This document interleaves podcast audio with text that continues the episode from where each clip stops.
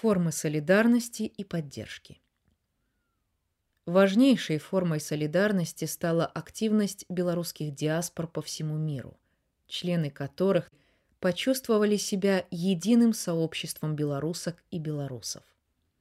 Об их пробуждении заговорили и в Беларуси.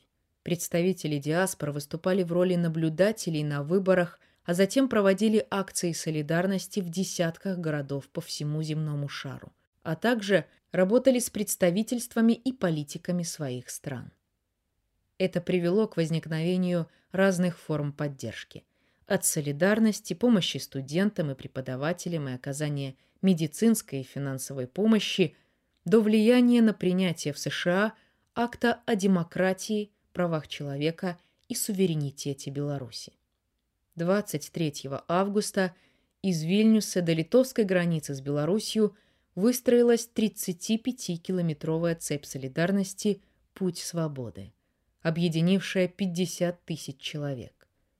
В ней приняли участие президент Литвы Гитанас Науседа, министр иностранных дел Линас Линкявичус, экс-президенты Дали Грибаускайте и Валда Садамкус. Это свидетельствовало и о беспрецедентной солидарности с протестующей Белоруссию других государств для части из которых наша страна впервые стала полноправным государством и частью европейского культурного ландшафта. Почти 50 тысяч работниц и работников культуры, а также неравнодушных людей по всему миру подписали петицию за освобождение Марии Колесниковой. Сбор подписей был инициирован Кристиной Фишер, художественной руководительницей фестиваля «Эклад», в организации которого Мария принимала участие несколько лет. Заявление представителей научного и преподавательского сообщества Германии о ситуации в белорусских вузах и других учебных и научных учреждениях подписало более двух тысяч человек. Среди них философы Юрген Хабермас и Аксель Хонет, президент общества Макса Планка Мартин Штратман, президентка немецкого Бундестага профессор Рита Зюсмус и многие другие видные немецкие ученые и интеллектуалы. 60 ведущих экономистов со всего мира подписали письмо в поддержку Беларуси с готовностью оказать помощь в разработке программы экономических реформ. После развязанного белорусскими властями в первые дни после выборов террора с новой силой заработали каналы финансовой, информационной и других форм поддержки репрессированных белорусов. И возник целый ряд фондов. Среди них фонд «Беларусь будущего», экс-претендента на пост президента Валерия Цепкала, фонд Protect Belarus белорусского предпринимателя Микиты Микада, агрегатор открытых инициатив и помощи пострадавшим и нуждающимся probono.by и другие. Среди наиболее масштабных проектов инициатива взаимопомощи By Help и фонд солидарности By Soul. Фонд By Help заработал еще в 2017 году для оказания помощи репрессированным участникам марша нетунеядцев.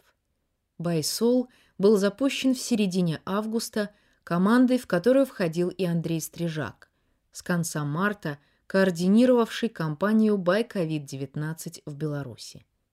За несколько дней после голосования оба фонда собрали 5 миллионов долларов, которые были направлены на оплату штрафов и помощь пострадавшим во время мирных акций, в том числе и тем, кто затем потерял работу. Микита Микада, который также участвовал в создании фонда Байсол, отмечал, что речь идет о пожертвованиях от тысяч людей, превращающих солидарность в настоящее цунами. Пробоно Бай – агрегатор открытых инициатив для пострадавших и нуждающихся. Начал свою работу в середине августа, в том числе силами правозащитной организации Human Constanta.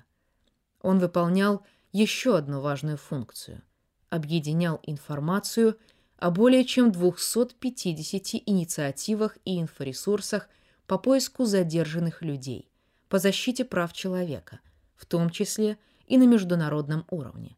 О платформах по сбору денег, размещал образцы и формы документов по разным направлениям. Информацию про возможности получить юридическую и правозащитную, медицинскую и психологическую помощь и так далее. За месяц работы и при участии около 100 волонтеров проект смог найти помощь не менее двум с половиной тысячам людей, хотя, как отметила в интервью одна из его координаторок, Я Г., на деле обращений было больше. В координации работы волонтеров важную роль играл уже традиционно правозащитный центр «Весна», старейшая в Беларуси правозащитная организация, основанная в 1996 году. Он позволял родственникам и друзьям пострадавших от репрессий оперативно и в любое время дня и ночи получать всю необходимую информацию, а также участвовал в обеспечении регулярного дежурства у стен тюрем для оказания своевременной поддержки и помощи заключенным и их родственникам, друзьям и коллегам.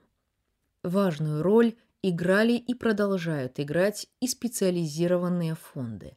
Фонд медицинской солидарности, Фонд солидарности белорусских ученых и исследователей, Белорусский фонд культурной солидарности, Фонд солидарности силовиков «Байпол», а также созданная благодаря консолидации белорусов за рубежом Белорусская ассоциация поддержки студентов «БЕССА». В августе был организован фонд спортивной солидарности, а в октябре его возглавила переехавшая в Вильнюс Анастасия Герасименя, двухкратная вице-чемпионка Олимпийских игр 2012 года – и бронзовая призерка Олимпийских игр 2016 года по плаванию. Этот фонд появился благодаря активной протестной позиции белорусских спортсменок и спортсменов. Письмо с требованием остановить насилие и провести честные выборы подписало более 800 человек.